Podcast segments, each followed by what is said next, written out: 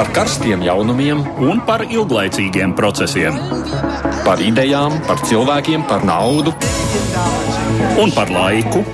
Par abām mūsu planētas puslodēm, un lietojot abas smadzeņu puslodes. Ēterā raidījums divas puslodes. Aizsmeļamies, Tamsons, sveicinu šobrīd jūsu studijā. Mūsu kolēģis Edvards Liniņš ir nedaudz sasirdzis, tādēļ šoreiz būšu viens. Divas puslodes nozīmē to, ka šajā laikā diskutējam par notikumiem pasaulē. Pārunāsim šoreiz dažādu un raibu tematiku. Mēs sāksim ar Krieviju un bruņošanos. Pēc tam, kad ASV paziņoja, ka izstāsies no līguma par video un tālā radios raķetēm, Krievija draud izvietot savus ieročus pret Eiropu. NATO gan saka, ka raķetes esot gatavs jau tagad. Kādas šiem notikumiem būs sekas? Valsts fokusā pievērsīsim uzmanību tādai maz pazīstamai, lai gan šodien vairāk par to runā valstī kā Jemena. Tālu jau no mums, bet nu, pasaules mediji ziņo arī par to humāno katastrofu, kāda piemeklē šo kara plosīto valsti. Tas trakākais jau, ka pieaugušo ambīciju dēļ arī vismagākās sekas piedzīvo bērni, kas vienkārši mirstot bada nāvē. Un vēl nedaudz paskatīsimies uz notikumiem no vēsturiskā skatu punkta. Vakar zemes klēpī tika guldīts bijušais ASV prezidents Džordžs Bušs. Viņš bija tas, kur laikā arī Latvija atguva savu neatkarību, ko mēs atceramies par Bušu un viņa politiku. Par to raidījuma beigu daļā klausītāji kā parasti ir aicināti komentēt, sūtot ziņas mūsu raidījumam Latvijas radio viens mājaslapā, bet Twitter lietotāji šodien savukārt lūgt ir atbildēt uz jautājumu, vai jūsuprāt starptautiskai sabiedrībai vajadzētu vairāk iesaistīties Jemenas krīzes risināšanā. Šo Twitter jautājumu varat atrast Latvijas radio viens kontā, izmantojot to iespēju nobalsot tagad tuvākajā laikā. Bez manis šobrīd studijā šeit ir vēl divi kula kolēģi. Viņi arī to austrumu pētnieku žurnālisti Toms Ratfelders, Sandrs Sedlnieks. Labdien jums abiem! Sveiki! Labdien! Bet nu sāksim vispirms ar ziņām īsumā par dažām citām aktualitātēm pēdējās dienās.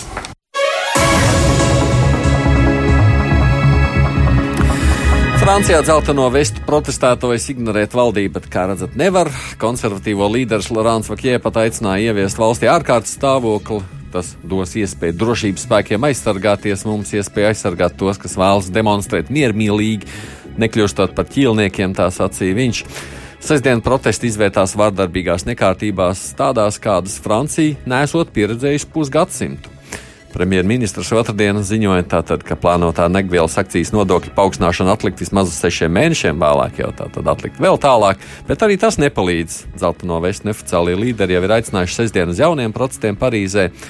Nemieros iesaistās arī studenti un skolēni. Lai kaut kā nomierinātu cilvēkus, Francijas valdība arī apsvēršot vai atjaunot īpašo nodokli augstu ienākumu guvējiem, ko pieprasa protestētāji. Jāpiebilst, ka tā saucamā bagātības nodokļa atcelšana bija viens no galvenajiem Makrona priekšvēlēšana kampaņas solījumiem. Viņam apgalvojot, ka tas ļaušot piesaistīt Francijai investors. Taču Makrona kritiķi viņa apsūdz bagātu atbalstīšanā, kamēr nodokļi tiek celti pensionāriem un strādājošajiem. Finiša taisnē iegājuši diskusijas par Brexit. Jau nākamā nedēļa parlamentā jāpieņem lēmums, ko darīt ar panākto pagaidu vienošanos starp Eiropas Savienību un Lielbritāniju. Izskatās, ka Londonā pagaidām atbalsta tai nav. Toties Britu kabinetam nācās pilnībā publicēt juridisku atzinumu par vienošanos, ko valdība bija atteiksies darīt. Balsojumā to pieprasīja deputāti, vainojot Terēzes Meijas valdību necieņā pret parlamentu. Apakšpalātas spīkers Džons Berkovs pirms tam sacīja, ka tas ir neiedomājami, ka deputātiem liekta pilnīga informācija pirms tie lemj, vai atbalstīt vienošanos ar Eiropas Savienību. Savukārt Brexit pretinieks pārnojas ir Eiropas tiesas atzinums, ka Briti vienpusēji drīkst apturēt izstāšanos no Eiropas Savienības. Šonadēļ vairāki katalāņu separātistu līderi paziņojuši, ka uzsāk bada streiku. Tie ir bijušie ministri, arī Katalāņu Nacionālās sapulces vadītājs Sančes. Apcietājumā esošie katalāņu politiskie vadītāji apsūdz Spānijas konstitucionālo tiesu par vilcināšanos, izskatot viņa apelāciju par apcietinājumu piemērošanu, lai tādējādi neļaut viņiem vērsties Eiropas cilvēktiesību tiesām. Ministri savā paziņojumā ir norādījuši, ka bada streiks ir vienīgais veids, kā pievērst uzmanību diskriminācijai un viņu pamattiesību neievērošanai. Spānijas augstākā tiesa oktobrī lēma, ka tiesas priekšā ir jāstājas 18 katalāņu separātistu līderiem, kas ir apsūdzēti dumpī un valsts līdzekļu izšķērdēšanā, pērn sarīkojot neatkarības referendumu. Prokuratūra apsūdzētiem pieprasīs līdz pat 25 gadiem ilgas cietumsodus. Reiz te pieminēta Eiropas cilvēktiesība tiesa, tad vēl viena ziņa par to. Tiesa otrdien atteicās izskatīt Krievijas pārsūdzību pasīrājot lietā, tādējādi atstājot spēkā spriedumu, kas uzliek par pienākumu izmaksāt pangrupas dalībniecēm 37 tūkstošu eiro lielu kompensāciju. Krievija ir paziņojusi, ka viņa tiešām pildīšos šo spriedumu. Eiropas cilvēktiesība tiesa jūlijā atzina, ka meitenēm ir liekta taisnīga tiesa un pārkāptas ir viņu tiesības uz runas brīvību. Šis grupas dalībnieks tika aizstrādāts 2012. gadā pēc akcijas vienā no Maskavas baznīcām, ko dalībnieki bija sarīkojuši protestējot pret prezidentu Vladimiru Putinu autoritāro režīmu. Viņas tika notiesātas par reliģiska naida motivētu huligānismu, piespriežot arī reāls cietumsodus. Tiesa tagad ir uzlikusi Krievijai samaksāt divām dalībniecēm 16,000 eiro un vienai 5,000 eiro lielu kompensāciju, un Krievijai jāsadz arī tiesas izdevumi. Un vēl Vācijas autobūvas koncerns Volkswagen ir paziņojis, ka pēdējo reizi tiek strādāts, lai ražotu jaunas iekšdedzes dzinēja automobīļus. Uzņēmums ir nolēmis jau līdz 2023. gadam investēt 44 miljārdus eiro elektrisko automašīnu attīstīšanai, norādot, ka pakāpeniski pārtrauks ar benzīnu un dīzeļdzinējiem aprīkot autoražošanu. Jāatgādina, ka koncerna reputācija smagi cieta tā saucamās dīzeļgaitas dēļ.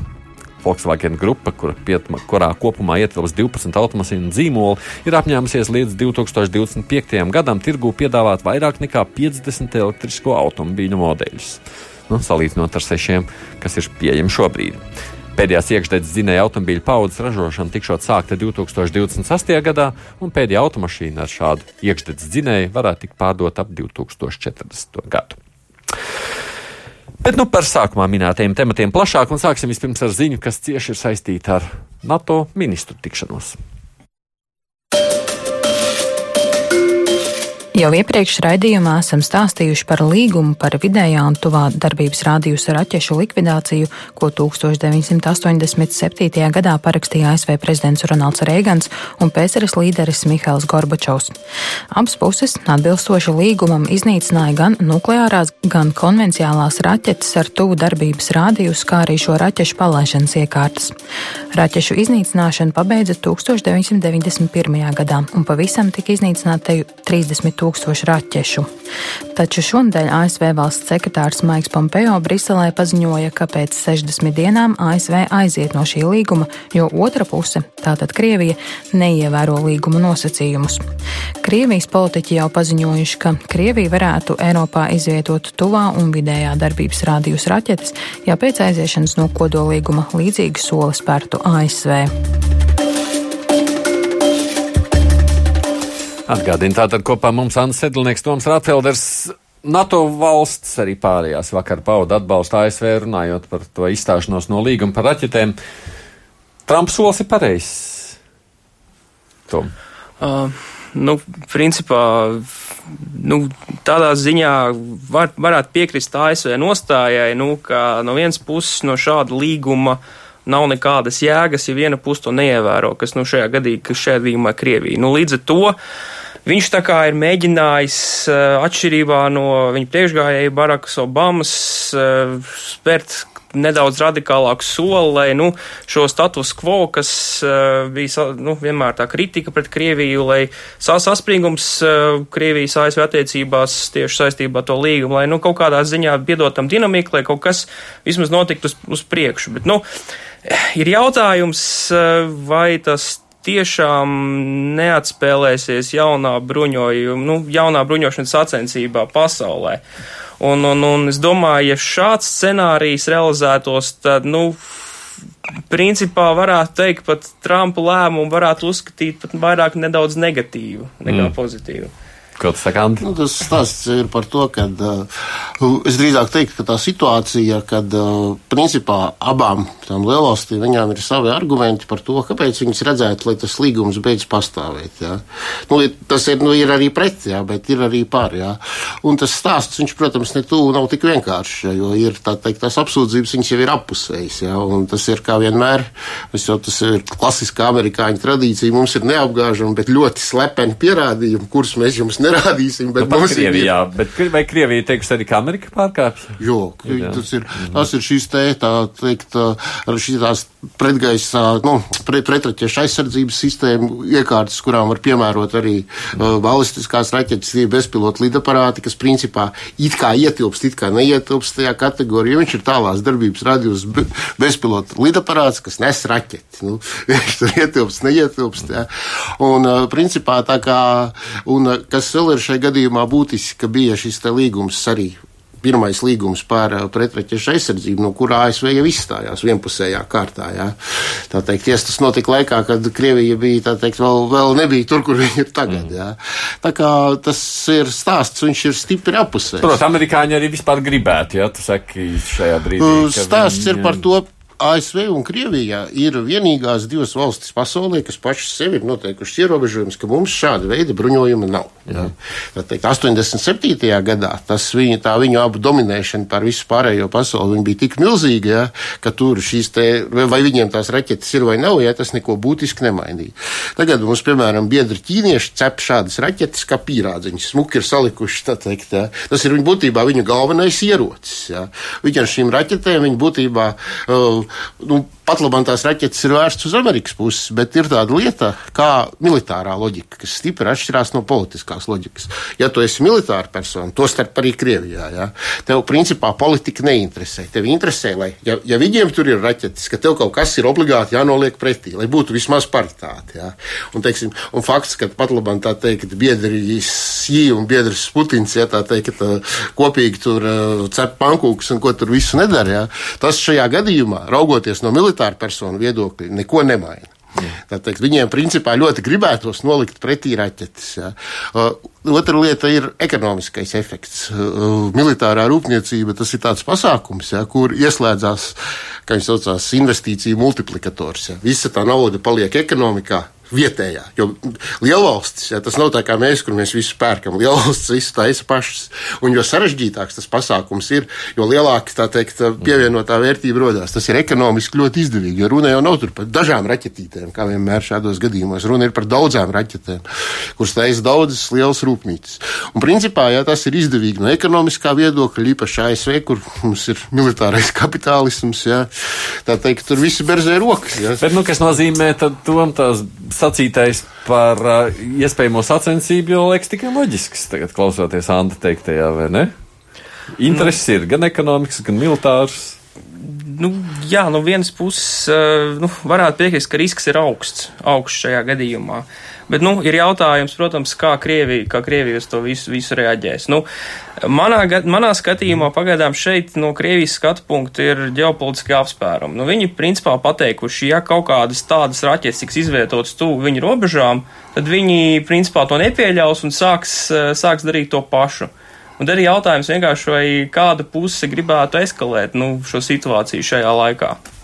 Nu, galvenā cietēja šajā gadījumā, protams, būtībā tie, tie tur potenciāli augstā kara lauka. Viņi ir divi. Viens ir tālu pie Ķīnas, ja, sacās, nu, kas par šiem šo te veidu ieročiem, un otrs ir Eiropa. Ja. Mm. Un, kā mēs labi saprotam, man, piemēram, neiepriecina doma, ka mēs te varētu, ka te varētu amerikāņi uzstādīt kādu raķeti. Nākošā dienā aiz robežas parādīsies pretī akurāti tieši tādi pati un rūpīgi nomērķēti tieši uz mums. Ja.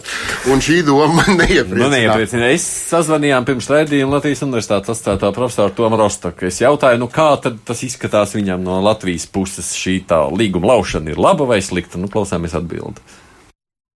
Es domāju, ka viņi ir gan labi, gan slikti. Viņi varētu būt labi tādā ziņā, ka nu, tad, uh, tas uh, spēku līdzsvars Eiropā varētu tikt uh, atjaunots, ja, ja NATO atbilstoši reaģē nu, jo īpaši Amerikas Savienotās valsts. Bet, nu, slikts tas ir tādā ziņā, ka, ka tā, tas būs tāds liels, sarežģīts jautājums Eiropas valstu attiecībās NATO ietveros. Un tur varētu būt arī diezgan liela strīde par to, ko vajadzētu darīt. Kā tad šo līdzsvaru atjaunot? Tas nozīmē būt no savukārt NATO puses pretēji raķetes. Tā? Jā, jā, jā tas, tas būtu raķetes NATO pusē, Eiropā. Bet, protams, tas varētu būt pretrunīgs jautājums virknē Eiropas valstu, un tad jau tur atmiņā nāk demonstra, nu, kā, um, pretbruņošanās demonstrācijas no 80. gadiem, piemēram, pasaulē, kāds tās bija. Ja mēs sakām, ka Kaļiņģeradas pusē jau šobrīd ir raķetes, kuras patiesībā jau arī ir uz Eiropas puses spējams tēmēt, tas nozīmē, ka par kādiem jauniem ieročiem no Krievijas puses, jeb draudiem vēl varētu būt runa.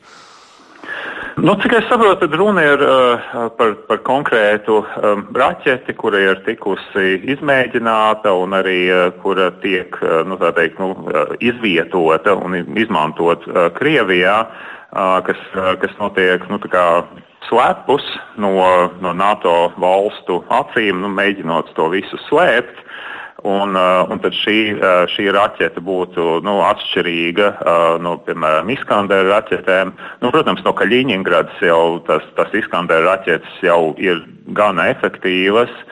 Bet nu, viņas, protams, nenoklāja visas Eiropas teritoriju. Un tad, cik es saprotu, šī jaunā raķete varētu um, diezgan brīvi Krievijai militāra konflikta gadījumā ļaut apdraudēt nu, faktiski visas Eiropas valsts. Tad varētu sacīt, no Krievijas puses jau arī tas izdevīgi nebūs vairs jāslēpjas. Nav jau patīkami, ja, ja tava rīcība tiek celta gaismā, vēl jau vairāk, ja, ja pēc tam nu, tomēr uh, nu, nāktos kādā brīdī atzīt, ja, ka NATO valstīm ir bijusi taisnība.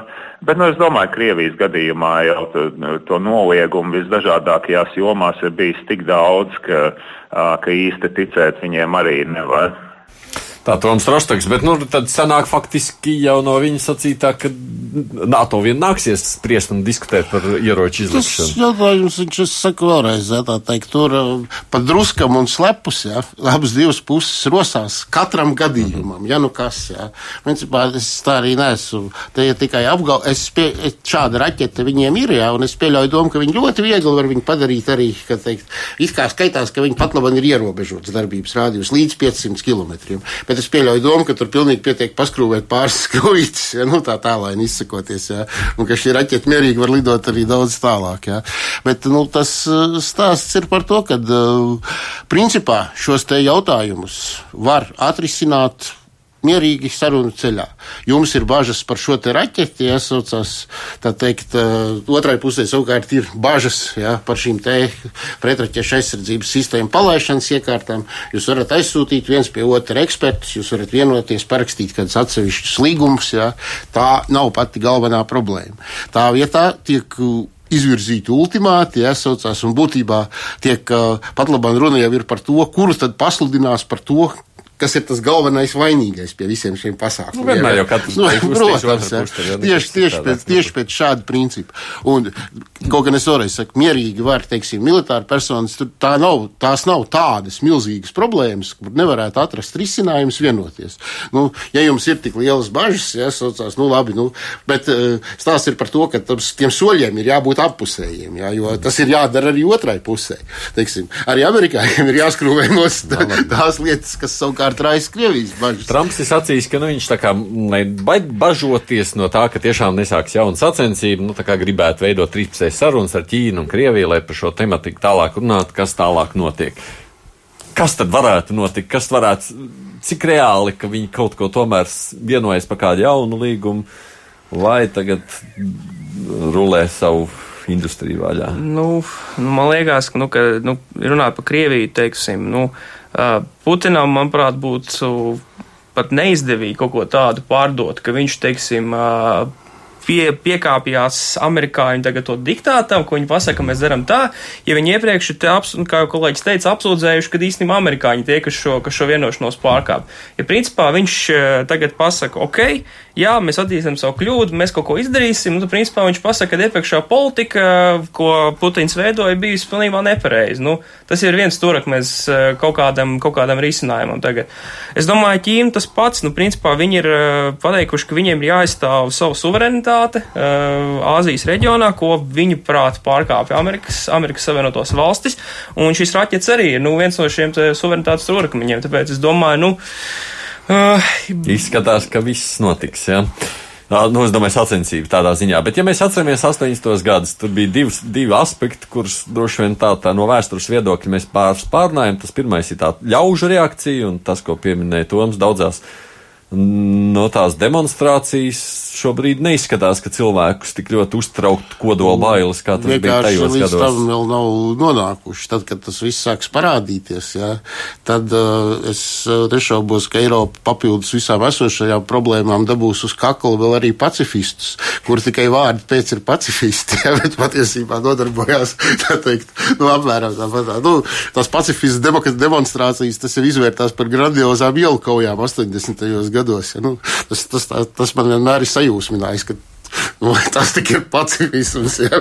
Cilvēks ir gatavs iet karā nu, dēļ miera. Jā, mēs redzam, tāpat tās nevajag pat. Nu, lūk, jā, un es saprotiet, un ja tas viss uh, tiešām sāksies, un jo, ja tās kaislības tiks kurinātas, jā, tad, uh, tad tā teikt atradīsies Būs, jauna mīļotā tēma, jā, teiksim, jo pat labā, nu, teiksim, zirgā atrodas visādi labējie un ko, ja, tie visādiem kreisajiem, kreisajiem politiķiem, tā uzreiz būs mīļotā tēma, kā mobilizēt savu elektorātu, piesaistīt jaunas masas, mēs par mieru, un tagad mēs varētu pie viena nonest šito armijas bāzi vai kaut ko tādu, nu, lai miera vairāk būtu. Ja, tā kā es, es domāju, ka tas nebūs, nu, teiksim, un galvenais ir, ka principā jau Eiropas viedoklis šajā gadījumā ir ļoti svarīgs, ja, jo ja e Eiropa kategoriski atsakās tās raķetes pie sevis pieņemt, ja, mhm. tad principā no tā līguma, ja no viņa laušanas vai nelaušanas jau nav liels jēgas. Nu, vismaz Eiropā, ja uz, attiecībā uz Ķīnu tas ir savādāk. Ja.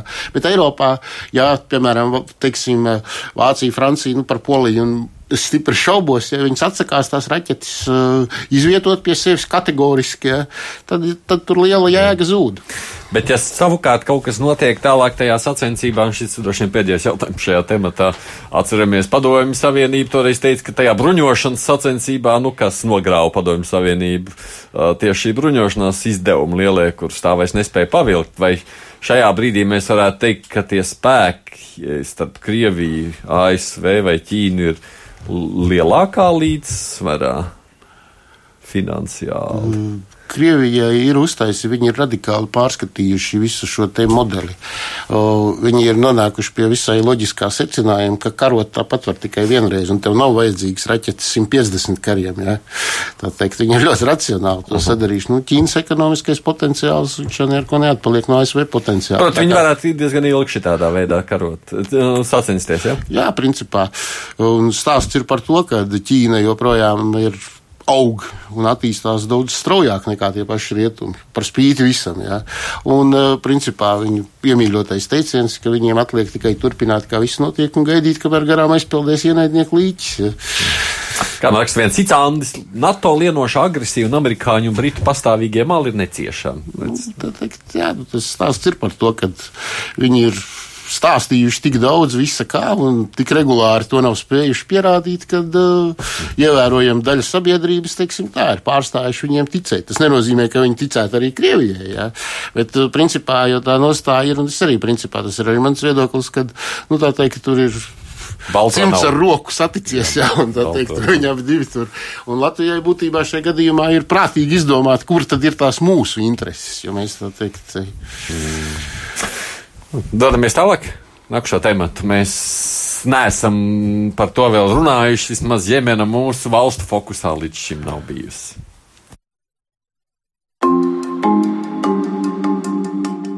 Jemena tās pašreizējās robežās pastāv kopš 1990. gada, kad apvienojās līdz tam neatkarīgās Jemenas Arābu Republika, jeb Ziemeļjemena un Jemenas Tautas Demokrātiskā Republika, jeb Dienvidjemena. Līdz tam Dienvidjemenā pastāvēja uz padomju stila sociālismu orientēta valsts, savukārt Ziemeļjemenā tradicionālajā cilšu aristokrātijas un armijas ietekmē balstīts režīms, kura priekšgalā kopš 1978. gada bija ģenerālis Ali Abdullah Sālihs un viņa klans. Sālihs arī kļuva par apvienotās Jemenas prezidentu. Par jaunās valsts galvaspilsētu kļuva Ziemeļjemenas galvaspilsēta Sana. Ziemeļos dzīvo arī gandrīz 3 ceturtās daļas valsts iedzīvotāju. Agrākā Dienvidjemena palika ziemeļu ēnā, un šeit saglabājās separātiskas tendences un zināma nostalģija pēc padomiskās pagātnes. Savukārt ziemeļos kopš 2004. gada pieņēmās spēkā šīītu mazākuma pretošanās kustība, pazīstama ar nosaukumu Huti. 2011. gada arābu pavasaris izbeidza vairāk nekā 30 gadus ilgušo prezidenta Sāliha varas ēru, un pēc gadu ilgas cīņas viņš atkāpās no amata. 2012. gada februārī par valsts vadītāju kļuva līdzinējais viceprezidents ģenerālmajors Abdrabuhs Mansūrs Hādī. Būdams acīm redzam vājāks līderis nekā gāstais prezidents, Hādī nespēja atrisināt valstī samilzušās pretrunas. 2014. gadā valdība, mēģinot iegūt aizdevumu no Startautiskā valūtas fonda, nolēma pārtraukt degvielas cenu dotēšanu. Tas izraisīja plašus protestus, kuru priekšgalā nostājās Hutī kustība. Par Hutī sabiedroto kļuva joprojām ietekmīgais bijušais prezidents Sāliks, kuru atbalstīja daļa armijas un cilšu vadoņu. 2014. gada septembrī Hutī kaujiniekiem dažu dienu laikā izdevās pārņemt savā kontrolē lielāko daļu galvaspilsētas. 2015. gada februārī prezidents Hādī bēga uz dzimto Dienvidjemenu, kur par viņa pagaidu galvaspilsētu kļuva Adena. Pēc Hadi aicinājuma Arābu valstu koalīcijas spēki, kuru kodolu veidoja Saūda-Arābijas armija, palīdzot atvairīt Hutī spēku uzbrukumu Adenai. Tomēr arī Saūdu armijai nav pa spēkam sakaut nemierniekus Ziemeļjemenā, kuras lielākā daļa joprojām paliek viņu kontrolē. Cīņā par varu Jemenā iesaistījušās arī teroristiskās organizācijas Al-Qaida un Daīša, sagrābjot teritorijas Dienvidjemenas vidienē. 2017. gada aprīlī Dienvidjemenas separātistu kustība izveidoja savu dienvidu pārejas padomi, kura izvērsa cīņu pret prezidenta Hādī spēkiem un par Dienvidjemenas atdalīšanos. Padomus spēkiem ir izdevies pārņemt savā kontrolē nozīmīgu daļu Dienvidģemenes, taiskaitā Adenu. 2017. gada nogalē bijušais prezidents Abdula Sāliks mēģināja īstenot noregulējumu plānu, bet tas beidzās ar viņa konfliktu ar Hutī kustību, kurā bijušais vadonis zaudēja dzīvību. Šobrīd konflikts Jemenā ir iestrēdzis pata situācijā, kad nevienai no pusēm nav redzama izredzu uzvarēt un nerimstošā kara darbība sagādā arvien jaunas ciešanas iedzīvotājiem.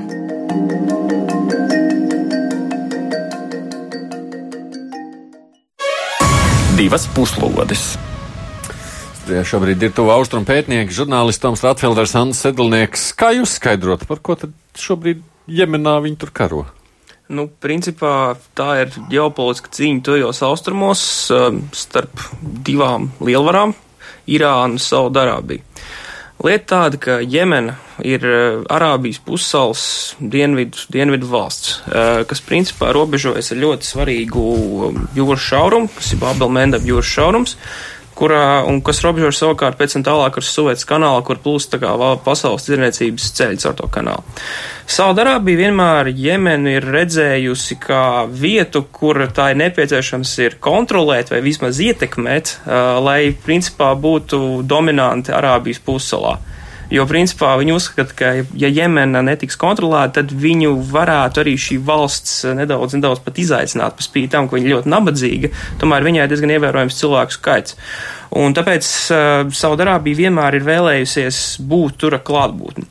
Šī situācija, principā, nedaudz mainījās, tagad notika, kad sākās arā pavasaris 11. gadā, kad, principā, šis līgums, kas spīd starp Saudarābiju un to prezidentu Sālihu un arī ciltī, ciltīm, kas atbalstīja, tika sagrauts, viņi tajā brīdī iesaistījās konflikta mediācijā un šika jau, ka panāks viņiem izdevīgu valdību, Taču šo situāciju izjau, izjauc Hutī nemiernieki, kas arī tika minēts, kas jau pirms tam bija cīnījušies pēc Sāleha, jau Sāleha laikā. Un uh, tagad, uh, principā, izstāsta tas, ka viņi ir iestrēguši konfliktā, kurus, starp citu, kurš tas bija izdevīgs arī Irānai. Tie ir tādēļ, ka, ja viņi atbalsta Hudī nemiernieks, tad Saudarābija ir spiest palikt tur ilgāk šajā Jemenas valstī, un tad, principā, tās uzmanība ir novērsta no citiem punktiem tojos austrumos, kas ir svarīgi Irānai, kā piemēram Sīrija. Mm. Andi. Nu, ko es varu piebilst? Reliģiskās pretrunas pirmkārt vienmēr ir pastāvējušas klasiskā, tā teikt, Britu impērijas postkoloniālismu vieta, kur viss ir juku jukām un viss citu neieredz. Ciltis Nu, un, protams, tur, ir, pat, tur arī nafta ir sev pietiek, un vēl bišķi kā eksportam sanāk. Jā. Nu, un, protams, šis strateģiskais ceļš, kur garām iet 40% šīs pasaules naftas tirdzniecības. Nu, tas stāsts vēl ir par to, ka viņi robežojās ar Saudarābijas šītu apdzīvotajiem rajoniem. To parasti retais zina, jā, bet absolūtajā vahabītismu citadelē, nu, demokrātijas stūrekmenī Saudarābijā, jā, tā teikt, naftas ieguves rajonos dzīvo šīti. Un šie šīti, viņi tā teikt, šie hutie, viņi patiesībā ir, laikam, zeidīti saucās. Tas, jā, jā, šītis, no, nu, viens, nu, viens no daudzajiem, jā, viņi, jā. tas nav tik, tas, tas tā, jā. Un viņi tā teikt jūt dziļas un visai pamatotas simpātijas pret saviem ticības brāļiem, jo tur ticība vispār spēlē ļoti ārkārtīgi augstu lomu, tieši reliģiskā piedarība, jā. Un tas ir tas iemesls, jā, kas, tā teikt, Saudarābija vēl vairāk stimulē atbalstīt, nu, teiksim, savējos, jā, jo jau pati doma, ja, kad eh, teiksim, tur varētu parādīties naftas iegūs rajonos priecīgi hutī partizāni, ja, tas, eh, tas Saudarābijai uzdveš mēmas šausmas. Ja, un, teiksim, kaut kur tur vienreiz izskanēja, tur viņi pilnīgā nopietnībā apspried, cik reāli ir iespēja, ka, pie, piemēram, šie hutī varētu uzspridzināt kādus no tiem milzīgajiem naftas rezervuāriem, kas tur ir vai ko. Ja. Tā kā viņi to uztver kā reālu draudu, šos šītu nemierniekus. Ja. Nu, un, protams, otrā pusē ir Irāna, kas atbalsta savus ticības brāļus šītus, ja, un kurai ir patiesa prieks vērot, ja, kā tur Saudarābija mokās. Un kas ir ļoti būtiski, ja, vēl ir tāds uh, vēsturiskais moments. Jemena būtībā ir, uh, tiek uzskatīta par arābu dzimteni, piemēram, pravietis Muhamed, praviešu Muhameda priekšteči ir izceļotāji no Jemenas. Mm. Teikt, viņiem ir arī kaut kāda tāda kā simboliska jēga tajā visā. Jā. Un otra lieta ir, Jemenā ir Jemenas ciltis tiek uzskatītas par būtībā pašām karavīgākajām arābu pasaulē. Viņas neviens nekad tā arī īsti nav pakļāvis. Viņas ir, tā teikt, ekstremāli karavīgas. Mm. Teiksim, šīs izslavētās tur Pakistānas ciltis puštuni jāsaucās tie nobāli, salīdzinot ar Jemenas cilšu karavīgumu. Un, teiksim, un tur fakts, ka. Bet tur... viņi kareivi, kar, karo faktiski savu reliģiju vai, viņi, pamatā, vai naudu? Viņi, saprotiet, tur ir viss, tur ir uh, viss juku jukām, cilšu intereses, reliģija, nu tas reliģiskais, tas ir tāds vispār vienojošais faktors, mm -hmm. jā.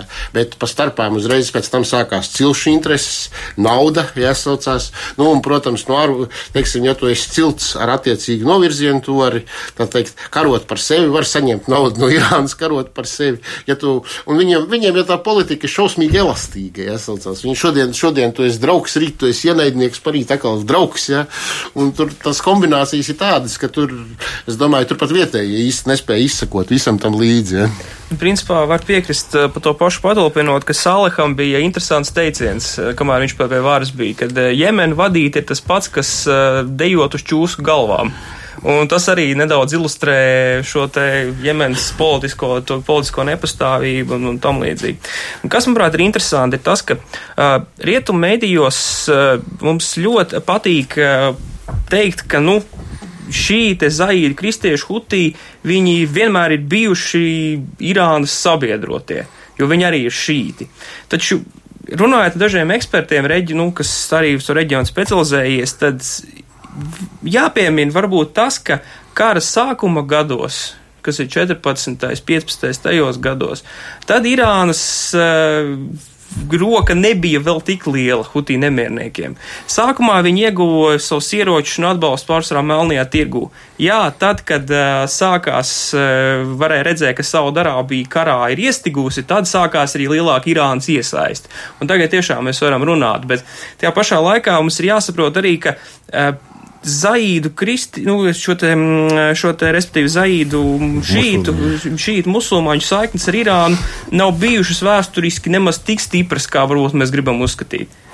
Uh, mēs kla es prasījām klausītājiem, jo mums par ģimeni, es domāju, nu, priekšstats ir nosacīts, vai ne? Uh, mēs zinām pēdējās ziņas, nu šodien tur Zviedrijā, Stokholmā tur mēģina tāpēc vairāk sarunāties, tāpēc vairāk varbūt arī par to šajā, tieši šajās dienās runā. Mēs prasījām, vai jūs, prāt, starptautiskajai sabiedrībai vajadzētu vairāk iesaistīties Jemenas konflikta risināšanā. Nu, 68% no Twitter tiem gandrīz 40% uh, balsotājiem saka, ka vajadzētu. 32% Es saprotu, saka, no tīri no tīri no humanisma, no cilvēku mīlestības un uh, visādi tādu viedokļa, jā, protams, jā, bet kas attiecās uz tīri politisko viedokli, jā, tad uh, tā problēma ir uh, tur, kad uh, Es baidos, ka tur nav iespējams viņus nomierināt arī tad, ja saucās, ja tur ievestu ārprātīgi stingru okupācijas režīmu, jo visos kaldos tu viņu neievedīs. Ja? Un principā viņi var uz laiku šīs pretrunas pieklusināt, ja? bet tas ir tikai līdz uh, nākošajai reizei, ja saucās līdz brīdim, kamēr izaugs pietiekam daudz jaunu karavīru un tiks savākts pietiekam daudz jaunu ieroču. Ja? Tā, tā, diemžēl, ir realitāte. Mēs, protams, varam runāt tur skaisti un humāni par cilvēku mīlestību un demokrātiju un ko, ja? bet tie cilšu likumi ir tādi, kādi ir, un tur nekas nav mainījies gadus Jā, bet tā ziņa bija tāda, man liekas, tā ir šīs dienas ziņa, ja, ka viņiem draud uh, humānā katastrofa, kāda pasaulē nav pieredzējusi pēdējo simts gadu laikā tāds bats tur. Nu, tas, pēdējo nu- simts gadu laikā tas ir pirmais pasaules karš faktiski. Ja, tad, tad, nu, tas ir kaut Es domāju, kāds. ka, Nu, šajā, šajā gadījumā, jā, tas ir, tas ir nu, humāni, bet es domāju, ka uh, man ir, man ir bažas, ka viņi īsti pat badu priekšā neapstāsies. Nu, vienīgais, nu, kaut gan, nu, teiksim, tādā ziņā, ja, ka ilgtermiņa risinājumu tas uh, netiks atrasts. Ilgtermiņa Nu, risinājumu. kamēr diez- apmirs viss tur no bada. Tā, Nē, nu, es domāju, ka tā nebūs. Ja? Nē, nu, nu, tik traki arī nevar pieļaut. Jo tur jau tās rāda televīzijā tos bērnus, kas tur mirs no, no viņiem, ka žēl, ka nav ko ēst. vai ne? Un saprotu, tur, li- kā teica, ļoti liels, nu, daudz cilvēku dzīvo Jemenā. Cik ir vispār iedzīvotājs? 25 cik Miljoni. Nē, es baidos samaloties. No, es galvas nepateikšu. 25 līdz 30. Miljoni, Jā, jā, jā. jā. jā, jā.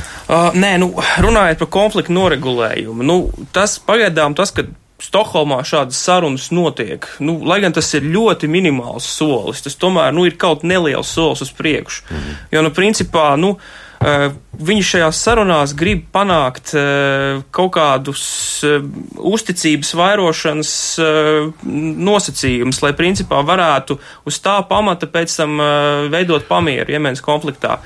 Protams, ka tas varētu viss uh, nobrukt un, protams, varētu ne, nestrādāt, bet nu, tajā pašā laikā jāsaprot, ka ir kaut kādas zināmas, zināma kustība uz konfliktu noregulējumu notiek. Ir jautājums tikai, cik tas prasīs ilgu laiku.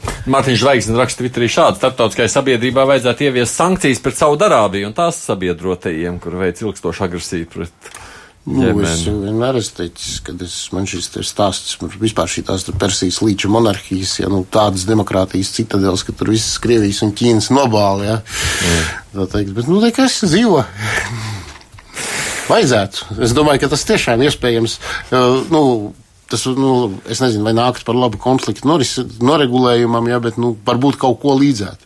Bet, nu, visticamāk, klausoties jūsos, mēs tās ziņas par tādiem dramatiskiem kadriem no turienes dzirdēsim nākošajos gados. Jā. Es atceros 90. gadu sākumu, kad optimistiski tika vēstīts, ka tādā valstī kā Somālijā, kas atrodas turpat netālu, jāsaucās pavisam drīz, tā teikt, beigsies karš un uzvarēs demokrātija. Tas bija 90. gadu sākumā, tas bija praktiski pirms 30 gadiem. Jā. Kā mēs labi redzam, turpat blakus esošā Somālija ar lielu optimismu turpina to nodarboties vēl šodien. Afganistānā ar tādu pašu optimismu viņi turpināja jau kopš 70. gadiem. Tā kā es uh, vienkārši ņemot vērā šos te, mm -hmm. teiksim, nebūtu ne pozitīvos piemērus, ja, es neloloju kādu optimismu. Nu, veseli varētu piebilst arī, nu, ka viens no faktoriem, kas noteikti šo konfliktu veicina, ir arī ārējā iesaiste. Nu, Irāna, Saudarābija, kas principā balansē vienu otru. Un ja mēs vienu no šiem atbalstītājiem noņēmtu, tad es pieļauju, ka nu, viena no pusēm vienkārši varētu uzvarēt. Bet, nu, Tā kā tas noteikti nenotiks, tad es domāju, ka ģimenes jautājums saistīs mūsu uzmanību vēl kādu brīdi. Tad jau varētu runāt par ASV ieroču ražotāju interesēm vispār, Nu, jo par ko mēs tālāk ir, tur jau ir privātās apstākļas, šīs tā saucamās privātās armijas, tur ir, tur ir. tā teikt, Sudāna, piemēram, veselu biznesu atvērusi karavīru piegādi Saudarābijas vajadzībām, jo pašiem arābiem kaut kā nevisai gribās uh, tur ņemt un mirt, ja tāpēc viņi, tā teikt, iepērk. Labi, vēl vienam notikumam gribam šajā redzījumā pievērst uzmanību. Tas gan daļai būs arī saistīts ar mūsu pašu valsti. Pagājušajā piekdienā mūžībā aizgāja 41. ASV prezidents, piecu bērnu tēvs Džordžs Bušs vecākais. Dzimis 1924. gadā, Bušs jau skolas gados parādīja līderu dotības, ieņemot dažādus amatus akadēmijā. 18 gadu vecumā pieteicies armijā un no 1942. līdz 45. gadam dienēja ASV armijā, bijis pilots Otrajā pasaules karā. 1944. gada 2. septembrī, veicot uzbrukumu Japānas salām, viņa lidmašīna notrieca. Bušs izdzīvoja, taču zaudēja divus savus biedrus. Pēc kara Džordžs Bušs vecākais iestājās Jēlas Universitātē, kur ieguva grādu ekonomikā. Pēc studijām kopā ar ģimeni pārvācās uz Teksasu un sāka ceļu naftas biznesā. Sākumā strādājot par pārdevēju ģimenes draugu uzņēmumā, bet vēlāk piedaloties vairāku firmu dibināšanā. Politikā Bušs iesaistījās 1963. gadā, kad viņu ievēlēja par Harisas apgabala republikāņu partijas priekšsēdi. Trīs gadus vēlāk viņu ievēlēja ASV pārstāvju palātā, kur viņš strādāja divus termiņus. Vēlāk viņš bijis ASV vēstnieks ANO, Republikāņu Nacionālās komitejas priekšsēdis, kā arī vadījis centrālās izlūkošanas pārvaldi. 1980. gadā viņš zaudēja cīņā par prezidenta kandidāta nomināciju Ronaldam Reiganam, taču kļuva par viņa viceprezidentu. 1989. gadā, pēc diviem Reigana termiņiem prezidenta amatā, Džordžs Bušs vecākais kļuva par Baltā nama saimnieku. Viņa prezidentūra bija sarežģītā laikā. Krita Berlīnes mūris, beidzās augstais karš, sabruka PSRS un līdz ar to daudzas valstis, tostarp Baltijas valsts, atgūna neatkarību. Nevelti Buša vecākā prezidentūrā dominēja ārpolitika, ko vēlāk viņam arī pārmet amerikāņi. Lai arī Bušs vecākais bija visnotaļ populārs prezidents, ja ņemam vērā aptaujas, tomēr nokļūt prezidenta krēslā uz otro termiņu viņam neizdevās. Runājot par Bušu, jāpiemina arī politiķu dinastija trīs paudzēs. Buša vecākā tēvs, Preskots Bušs bija senators, un arī viņa bērni redzams politiskās skatuves. Džordžs Bušs jaunākais kļuva par 43. ASV prezidentu, bet Džeps Bušs divreiz bijis Floridas gubernators un 2016. gadā cīnījies par prezidenta krēslu. Ko jūs atceraties, dzirdot Džordžu Bušu vārdu? Nu, to pašu apmēram arī atcerās. Es atceros diktatoru Norjēgu. Agrāk viņš bija Bušam draugs. Bušs atbildēja, cip ietvaros, jā, viņi cip centrālā izlūkošanas pārvalde maksāja Norjēgam algu. Bet tad, kad viņš tur pārāk aizrāvās ar narkotiku tirniecību, tad viņi ieviesa ievies demokrātiju. Tas bija pirmais gadījums, kad demokrātija tika eksportēta ar ieročiem rokā. Šī pieredze izrādījās teikt, ļoti patīkama amerikāņiem, un tāpēc viņi ķērās pie demokrātijas masveida eksporta. Bet tas jau būs vēlāk. Es, es vēl tā kā nebiju dzimis tajā laikā. Bet, Labi, pateikt. bet, bet, nu, principā, nu, manas laikam pirmās atmiņas ir pa viņu, kad man stāstīja vecāki par līča karu Irākā. Un, un, un viņa vadīto intervenciju pret Huseinu. Tas, tas ir kā, mana pirmā asociācija, kas saistās. Mums arī dzird kādreizējais Latvijas ārlietu ministrs Jānis Jurkāns, kuram gan vajadzētu atcerēties vairāk Džordžu Bušu vai ne? Jurkāna kungs, hello! Jā, labdien! Labdien! Kādas ir jūsu atmiņas par uh, Bušu vecāko? Mēs, uh, mēs vēl nebijām atzīts uh, valsts, kad 90. gadā jūlijā, 28. mēs ar Godmanu bijām pie viņa uh, Baltijā namā. Viņš mums uzņēma, tas, protams, bija ļoti liels diplomātisks mājiens uh, PSRS virzienā Gorbačovam. Man jāsaka, ka, man liekas, viņš ir politiski visinteliģentākais prezidents līdz šim. Domāju, ka viņš ar savu politisko inteliģenci un pasaules politikas izpratni veicināja PSRS sabrukšanu. Jā, daži teiks, ka viņš visu laiku mums atgādināja, ka soli pa solim jāiet, ka jā, mums tagad ir jātiek galā ar Gorbačovu. Gorbačovs ir noņēmis bailes no, no, no, no, no PSRS, un ar viņu tagad ir dialogs. Tiešām tajā laikā bija medus mēnesis ar PSV un PSRS. Uh, Ševar Nādze, kas bija PSRS ārlietu ministrs, tas kopā zvejoja Sibīrijā ar James Baker, ASV ārlietu ministra Zivis, un tur bija baigā draudzība un arī bija panākumi, jo tajā laikā apvienojās Vācija. Un, un, jā, nu, un tajā laikā, principā, Bušs katrā iespējamā tikšanās reizē atgādināja Gorbačovam par to, ka mēs nekad neatzinām Baltijas valstu okupāciju. Par to ļoti daudz runāja arī 91. gada tikšanās Maltā. Nu, domāju, ka tie cilvēki, kas kritizē, ka viņš tur 90. Gadā uh, Kijevā, laikam, nē, viņš bija Maskavā, kad Lietuvā notika terora akts pret uh, robežu posteni. Un, uh, un, un, un tad viņš pēc tam, pēc tās Maskavas bija Kijevā, un tad viņš teica, ka nevajag, nevajag graut PSRS, ka PSRS ir struktūra, ar kuras palīdzību tad var vienoties ASV un, un, un, un PSRS. Toreiz visiem bija ļoti svarīgi tas atbruņošanās process, kuru bija iesācis Gorbačovs. Nu, jūs man gandrīz izrāvāt visu jautājumus no mutes ārā, jo viņš ir tomēr tiešām ļoti pretrunīgi vērtēts no latviešu neatkarības no tādu aktīvistu puses. Piedodiet, kas, nu, kas, kas ir negatīvs? Tas, ka viņš uh, palīdzēja Gorbačovam sagraut PSRS, tā, ka viņš, tas, ka viņš nesteidzās ar Baltiešu diplomātsko atzīšanu, tie fakti, bet tie fakti, visas tās viņa politiskās darbības bija bāzētas uz daudz tādu uh, lielāku mērķi. Viņš zināja, kas notiek PSRS, viņš zināja, ka PSRS brūk kopā, un viņš negribēja visu to veicināt un radīt jūklu. Viņš jau bija arī tas, kas mums pateica 91. Uh, gadā jūnijā, jūnija sākumā, ka vīri būs puķi. Mums ir ziņas, ka būs puķi, un es atceros, eh, Igaunijas ārlietu ministrs Mērķis saka, jūs mums palīdzēsiet. Viņš saka, protams. Bet tad viņš saprata, ka personīgi, jā, nu personīgi mēs jums palīdzēsim, bet mēs neiesim karot ar PSRS. Tas bija jūnija mēnesī, un tāpēc eh, arī viņam bija ļoti sarežģīti, jo tajā laikā ļoti aktīvs bija Jelcins, un Jelcins bija Baltajā namā, un viņš viņu nepieņēma tikai tā ejot garām gar kabinetu, kurā bija Boris Jelcins ar Skolkrofs, kas bija drošības padomnieks. Bušam, nu, iegājis sasveicināties, pateikt labdien, bet arī ar, lai gan viņam bija informācija, ka Jelcins te, te būs uh, jaunais uh, PSRS vai Krievijas galva vienalga, viņš tomēr ļoti saudzēja Gorbačovu un līdz pēdējā viņš to darīja līdz 91. gada Ziemassvētkiem, kad Gorbačovs piezvanīja viņam, teica, Džordž, tu tagad var gūt, mm, guliet mierīgi, PSRS ir sabrukusi.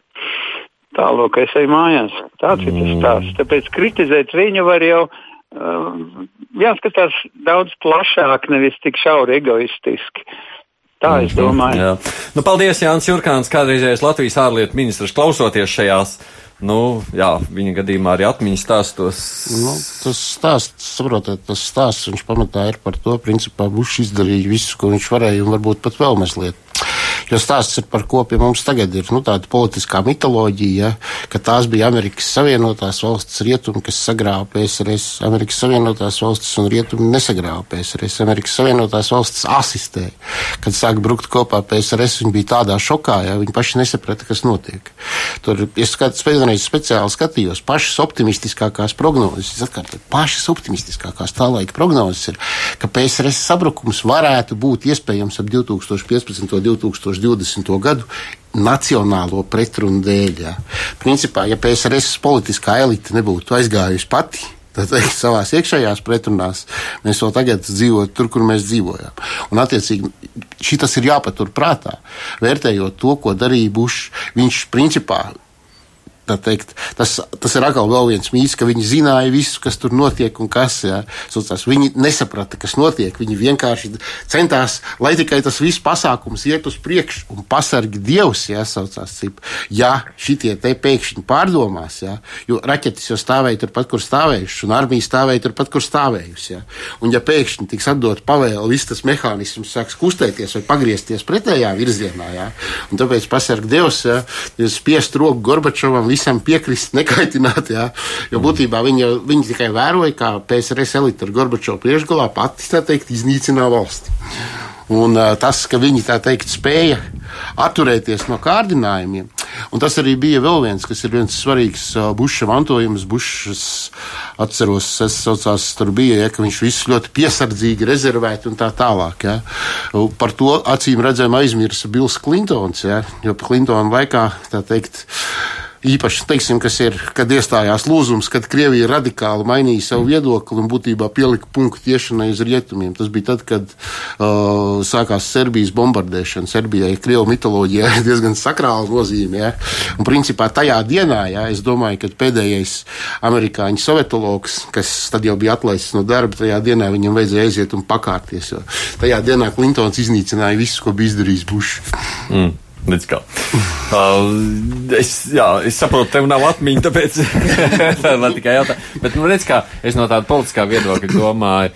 Cilvēki tomēr nenovērtēja pašu bušu. Redz, viņš tikai vienu termiņu palika amatā. Viņa, Viņu nenovērtēja iekšpolitiskiem iekšpolitiski. iekšpolitiski. Bija tā problēma, man liekas, nu, ka viņš nevarēja pārdot arī pietiekami veiksmīgi savus ārpolitiskos sasniegumus, manuprāt. Jo, nu, cik esmu lasījis, tad pēc Līča kara, pēc Sadām Huseinas iebrukuma kuveita atvērīšanas, viņa reitingi bija pat salīdzinoši augsti īstenībā. Bet nu, tas, kas viņu nogrāva, ļoti, man ļoti daudz bija nu, šis jautājums par nodokļiem, ko principā viņš bija solījis savā priekšpēlēšanu laikā nepacelt, bet demokrātija pieprasīja, lai tas tiek darīts. Un viņš, respektīvi, kā, kā, kā nu, kā politiķis izvēlējās, eh, varbūt atšķirībā, kā, kā darīts, teiksim, kāds eh, politiķis mūsdienās pagaidām ASV pēc tūras, ka viņš neiestājās saviem reitingiem, bet uh, izvēlējās iet šo kompromisu ceļu un nedaudz piekāpties no uh, no savas sagotnējās pozīcijas, lai, nu, tomēr kaut nedaudz, kaut nedaudz šo budžeta jautājumu, kas tajā brīdī bija aktuāls, pavirzīts priekšu. Mm. Politikai jāmāk sevi pasniegt, ja viņam pietrūka varbūt šī. Ne, tas ir viens un otrs, ir, saprotiet, tajā laikā bija nobriedusi pamatīga ekonomiskā krīze, un viņi jau sākās to krīzi novērsa PSRS sabrukums, būtībā. Mm. Teikt, bet viņam nebija būtībā arī citas izvēles. Viņam, tā teikt, saucamā regenomika būtu novedusi pie daudz lielākas katastrofas.